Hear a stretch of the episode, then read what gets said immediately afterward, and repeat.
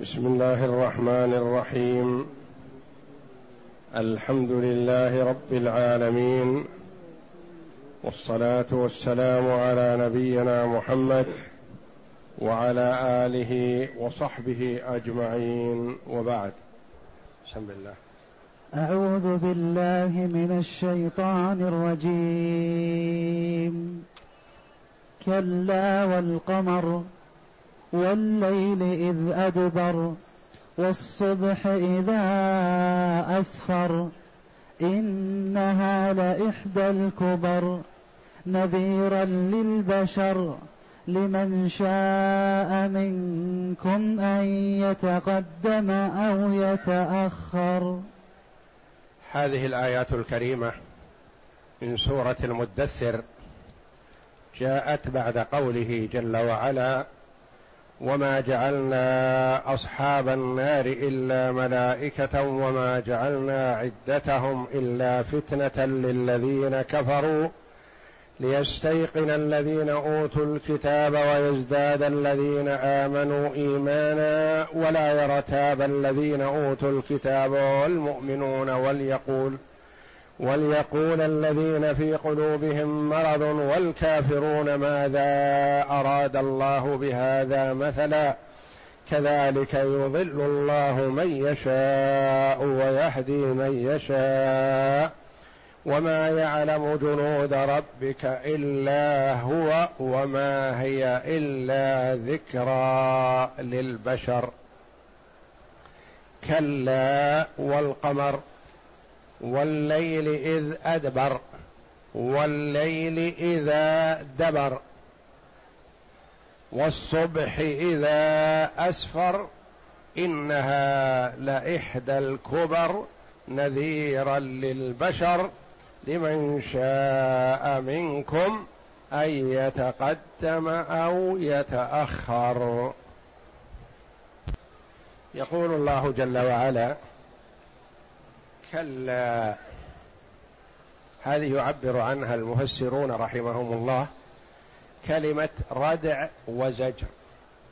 ردع وزجر عما صار من المشركين. لما أخبر الله جل وعلا بأن خزنة النار تسعة عشر وتفوه من تفوه من جهلة المشركين بأنهم سيتغلبون على التسعة عشر ويخرجون من النار وأحدهم يقول كونوا ورائي يوم القيامة وأنا أدفع عشرة بمنكبي الأيمن وتسعة بمنكبي الأيسر ونمضي عن النار وندخل الجنة. أخبر الله جل وعلا أن خزنة النار ملائكة والملائكة لا طاقة للبشر بهم وأن الواحد من الملائكة كما أخبر النبي صلى الله عليه وسلم يسوق الأمة من الناس وعلى رقبته جبل عظيم. فيرمي بهم في النار ثم يرمي بالجبل فوقهم. وعرفنا ما أقدر الله جل وعلا جبريل عليه باقتلاع قرى قوم لوط سبع مدائن متباعدة عن بعضها بطرف جناحه حتى أوصلها إلى قرب السماء فسمع أهل السماء صياح ديكتهم ونباح كلابهم ثم رمى بها فجعل أعلاها أسفلها بقدرة الله جل وعلا. قال الله جل وعلا هنا كلا لا قدرة لكم بالملائكة ولا تستطيعونهم. مهما أوتيتم من القوة ومن الذي أعطاكم القوة؟ الله. فورد أن أبا الأشد هذا كان قوي. كان يكون يقف على الجلد فيحاول عشرة أن يسحبوه من تحته فما يستطيعون حتى يتمزق قطعة قطعة وما تحت قدميه ثابت. ما يقدرون عليه عشرة. قوة لكن من من أين أتتهم؟ من الله جل وعلا. وهو الذي أعطاهم القوة. كلا لا تستطيعون مقابلة الملائكة. الواحد من الملائكة يكفي إذا أراد الله جل وعلا الثقلين الجن والإنس من أولهم إلى آخرهم. قال بعض المفسرين كلا كلمة استفتاح بمعنى ألا والقمر الواو حرف قسم وجر والقمر مقسم به وما عطف عليه. كلا والقمر والليل إذ أدبر والصبح إذا أسفر هذه مقسم بها. والله جل وعلا يقسم بما شاء من خلقه. للفت نظر العباد إلى ما أودعه جل وعلا في هذا المقسم به من الحكمة وقوة الخلق والتصرف ليلفت نظر العباد إلى ذلك. وهذا مخلوق من مخلوقات الله فما بالك بالخالق جل وعلا؟ أقسم جل وعلا بالقمر كما هنا وأقسم بالليل وأقسم بالصبح كما هنا وأقسم بالشمس وأقسم بالطور وأقسم بما بعدد من المخلوقات جل وعلا. وأما المخلوق فلا يجوز له أن يقسم إلا بالله أو بصفة من صفاته. بالله أو بالصفة. الرحمن الرحيم العزيز الجبار المتكبر الملك القدوس وهكذا. لما؟ لأن المقسم إذا أراد أن يقسم فهو يعطي منتهى التعظيم لما يقسم به. يعطي منتهى التعظيم لما يقسم به. ولا يجوز للمخلوق أن يعطي منتهى التعظيم إلا لمن يستحقه جل وعلا وهو الله تبارك وتعالى. فما يجوز القسم بمخلوق كائنا من كان. من حلف بغير الله فقد كفر أو أشرك. لا تحلفوا بالأمانة فمن حلف بالأمانة فليس منا. فلا يجوز الحلف بالكعبة شرفها الله وإن كانت هي بيت الله لكنها مخلوقة. ولا يجوز الحلف بالنبي صلى الله عليه وسلم ولا بأي ملك من الملائكة ولا بأي رسول من الرسل ولا بأي ولي من الأولياء أو شهيد من الشهداء أو عبد صالح أو فاجر أو شيطان أو جني. لا يجوز القسم بمخلوق كائنا من كان. يقول عبد الله بن مسعود رضي الله عنه لأن أحلف بالله كاذبا أحب إلي من أن أحلف بغيره صادقا. قيل له ولم يرحمك الله؟ قال لأن الحلف بغير الله وإن كان الإنسان صادق فهو شرك وهو شرك أصغر. والحلف بالله والإنسان كاذب كبيرة من كبائر الذنوب. لكن الشرك وإن كان أصغر فهو أعظم من كبائر الذنوب.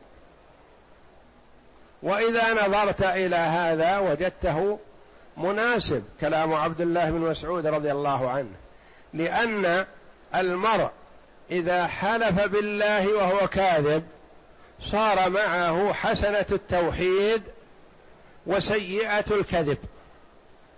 وإذا حلف بغير الله وإن كان صادق صار معه سيئة الشرك وحسنة الصدق. وسيئة الشرك سيئة الشرك وإن كان معها حسنة الصدق فهي أسوأ وأفظع من سيئة الكذب. لأن معها حسنة التوحيد الحلف بالله. فالحلف بالله توحيد والحلف بغيره شرك. فلا يجوز للمسلم أن يحلف بأي مخلوق كائنا من كان. وقد يتطور حلفه بالمخلوق إلى أن يكون شرك أكبر أعظم من الشرك الأصغر. لأنه إذا استشعر أن من حلف به هو من يستحق منتهى التعظيم فذلك شرك أكبر.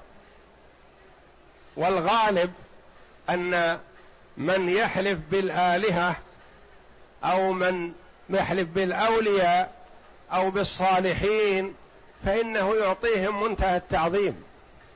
ومنتهى التعظيم لا يصح إلا لله. ولهذا تج وخوفه من هذا الولي أو الصديق أو الشهيد أو الصالح أكثر وأشد من خوفه من الله جل وعلا. ولهذا تجد الكثير منهم إذا قيل له احلف بالله يحلف وإن كان كاذب ما يبالي والعياذ بالله. وإذا قيل له احلف بالولي فلان أو بصاحب الحضرة أو بالشهيد أو بصاحب الضريح. توقف. ما حلف إلا إذا تيقن أنه صادق. يخاف من الولي أكثر من خوفه من الله جل وعلا. وذلك الشرك الأكبر والعياذ بالله. فليحذر المسلم الحلف بمخلوق كائنا من كان.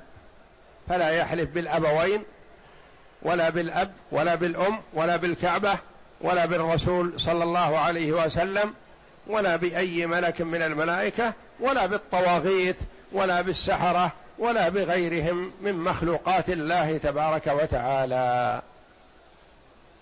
كلا والقمر.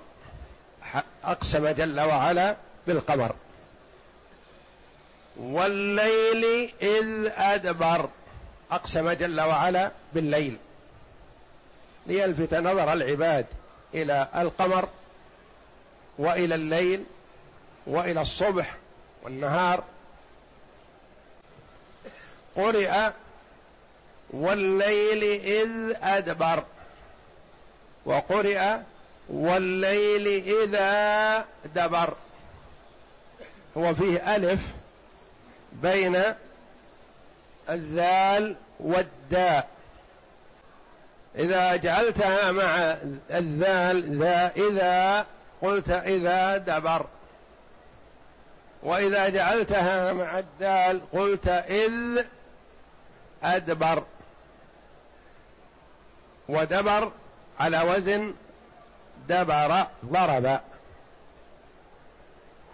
على أنه ظرف لما يستقبل من الزمان إذا أدبر. والليل إذ دبر والليل إذ أدبر إذ أدبر ظرف للماضي من الزمان. وقيل هما بمعنى وقيل يختلفان. فمعنى دبر إذ أدبر يعني ذهب. هذا هو المتبادر من معنى هذه الكلمة. والليل إذا إذ أدبر يعني والليل إذ ذهب ثم جاء بعده الصبح. وتستعمل وتأتي بمعنى إذا إذا دبر يعني إذا جاء حذوه. يقولون في اللغة دبرني فلان يعني جاء خلفي ورائي خلف دبري. والليل إذ أدبر. يقول مجاهد رحمه الله سألت ابن عباس عن قوله تعالى إذا دبر فسكت عني حتى إذا كان من آخر الليل وسمع الأذان أذان الصبح. ناداني يا مجاهد هذا حين دبر الليل.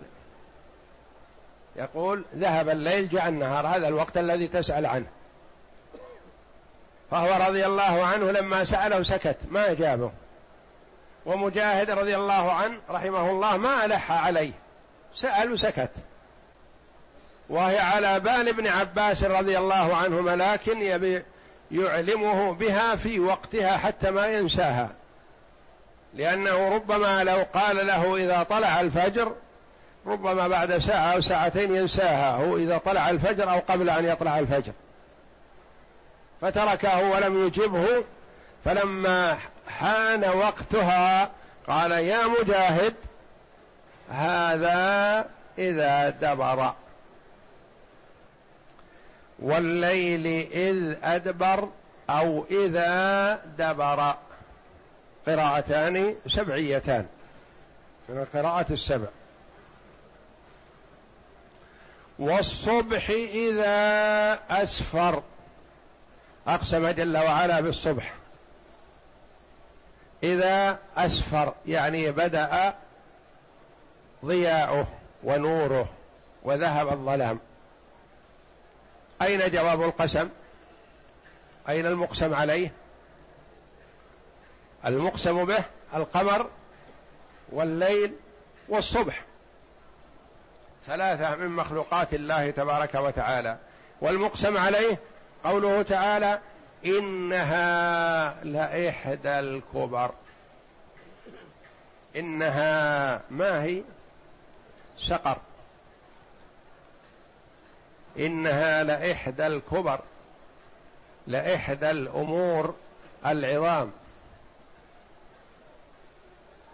وإحدى بالهمزة إحدى. وقرئ لحد لحد الكبر. كأنها هي بمعناها لأن أنها بالتخفيف. لإحدى الكبر لحد الكبر. يعني أنها شيء عظيم. ولا ينبغي أن يتساهل بها أو أن لا يبالي الإنسان بل عليه أن يحذرها. وأن يتخذ الوقاية منها فشأنها عظيم.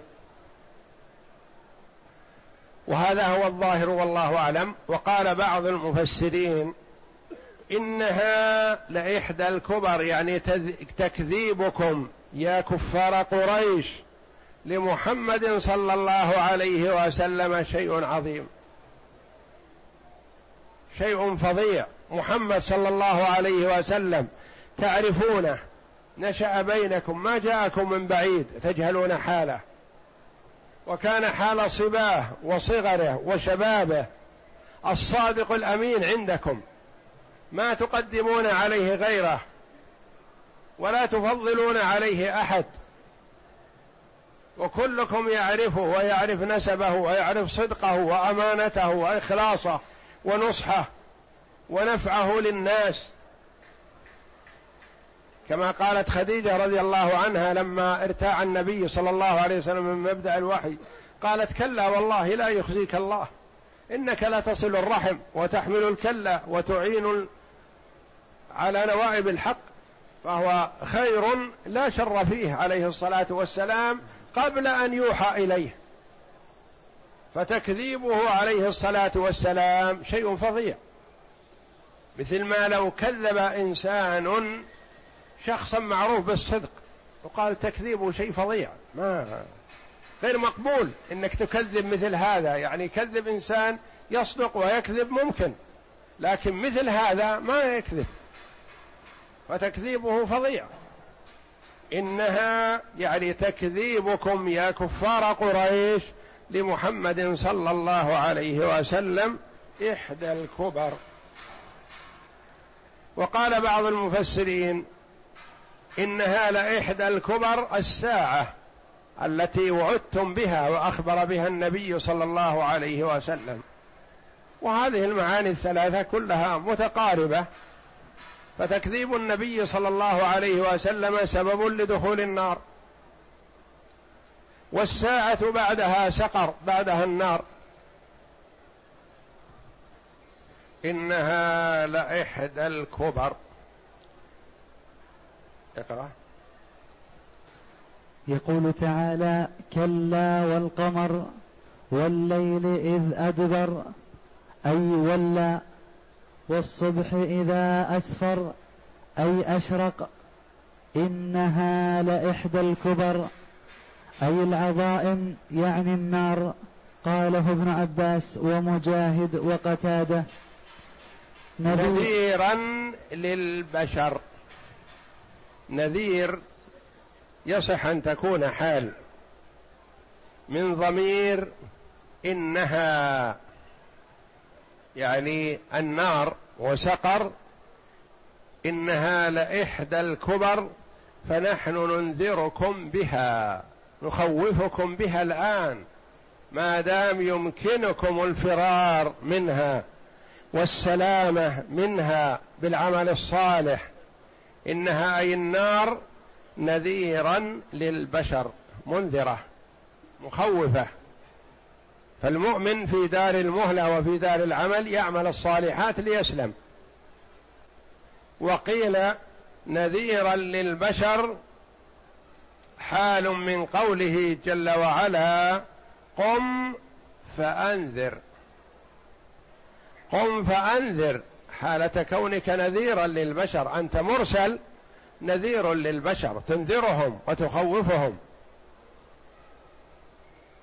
ومحمد صلى الله عليه وسلم وصفه الله جل وعلا بأنه بشير ونذير والبشير المخبر بالخبر السار والنذير المنذر عن الشيء السيء. منذر جيش يقول صبحكم ومساكم يعني يخوفكم بجيش العدو. فهو صلى الله عليه وسلم بشير لمن أطاعه بالجنة ونذير لمن عصاه بالنار. نذيرا للبشر لمن شاء منكم أن يتقدم أو يتأخر. لمن شاء منكم. الأمر واضح بين أيديكم. وجلي طاعة محمد صلى الله عليه وسلم. والإيمان بالله تبارك وتعالى.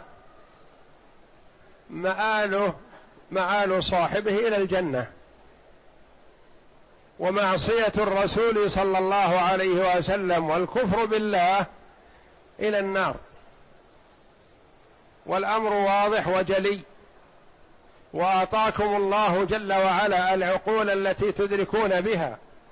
وأرسل إليكم الرسل وأنزل عليكم الكتب فتخير لنفسك. اختر لنفسك. طريق الخير إلى الجنة. طريق الشر إلى النار. وأنت عندك العقل لأنه بدون عقل ما في تكليف. لمن شاء منكم أن يتقدم أو يتأخر. لمن شاء أن يتقدم بالأعمال الصالحة فيكون من أهل الجنة. أو يتأخر بالأعمال السيئة ويترك الأعمال الصالحة فيكون مآله إلى النار. وأثبت جل وعلا للعباد المشيئة والاختيار ومشيئتهم تابعة لمشيئة الله جل وعلا. لمن شاء منكم أن يتقدم ويتأخر وسيأتينا قريبا إن شاء الله. وما تشاءون إلا أن يشاء الله. هو أهل التقوى وأهل المغفرة. وما تشاءون إلا أن يشاء الله. ولعلى العبد أن يختار لنفسه وينتبه ولا يتكل على ما لا يدري عنه. ما يقول أنا خلاص محكوم علي من أهل الشقاوة ما أنا ما, ما في حاجة أني أصلي وأصوم. وما يدريك. يخيرك الله جل وعلا ويقول هذا طريق الخير فاسلكه وهذا طريق الشر فلا تسلكه ثم تعصي ربك وتطيع الشيطان والهوى وتسلك طريق الشر وتجتنب طريق الخير بعقلك. لأنه لو كان فاقد العقل ما في تكليف. لا عليه ليس عليه شيء. لا صلاة ولا صيام ولا عبادة. معفو عنه. رفع القلم عن ثلاثة. لكن الإنسان العاقل اللي عنده إدراك يدعوه محمد صلى الله عليه وسلم إلى الهداية والاستقامة والخير والفلاح ثم يأبى ويسلك طريق الشر. فما يدعو إليه محمد صلى الله عليه وسلم هو ما تدعو إليه الفطرة والعقول السليمة.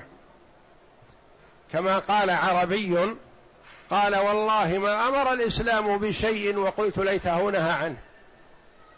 ولا نهى الإسلام عن شيء وقلت ليته أمر به ابدا. أمر الإسلام بالصدق والصلاح والعفاف والاستقامة والطاعة والعبادة والتوجه إلى الله جل وعلا. وهذا خير للعبد في دينه ودنياه. ونهى الإسلام عن الشر والقبح والكذب والغيبة والنميمة والفواحش كلها. وفي السلامة منها خير للمرء في دينه ودنياه. نهى الإسلام عن الخمر والعاقل يجتنب الخمر بعقله. ما في خير. وقيل لزعيم من زعماء العرب في الجاهلية كان تأبى عليه نفسه أن يشرب الخمر. قيل له ألا تشرب الخمر؟ ما في حرام وحلال جاهلية.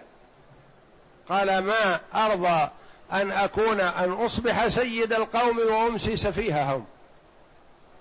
أنا في الصباح سيد آمر وأنهى. فإذا شربت الخمر صرت أجهل من الجاهل. صرت سفيه القوم ما أرضى.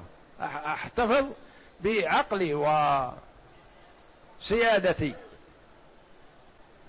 لمن شاء منكم أن يتقدم لطاعة الله جل وعلا والعمل بمرضاته أو يتأخر يترك الطاعة ويقع في المعصية فيهلك. ويخسر الدنيا والآخرة. نذيرا للبشر لمن شاء منكم أن يتقدم أو يتأخر أي لمن شاء أن يقبل النذارة ويهتدي للحق أو يتأخر عنها ويردها. وهذه الآية الكريمة تضمنت الوعد والوعيد. تضمنت الوعد لمن شاء من قال الأمر واضح جلي. من شاء الطاعة فسبيلها واضح بين. والمآل إلى الله جل وعلا والثواب عنده. لا تظن أنها تذهب طاعتك أو تخفى على الله جل وعلا. فمن يعمل مثقال ذرة خيرا يره ومن يعمل مثقال ذرة شرا يره. لن تذهب طاعتك. وفيها وعيد كذلك لمن خالف أمر الله. هذا الأمر واضح وجلي. فإذا عصيت الله جل وعلا فالويل لك. بينا لك طريق السعادة وطريق الشقاوة واحذر أن تسلك طريق الشقاوة فتهلك. والله أعلم. وصلى الله وسلم وبارك على عبده ورسول نبينا محمد وعلى آله وصحبه أجمعين.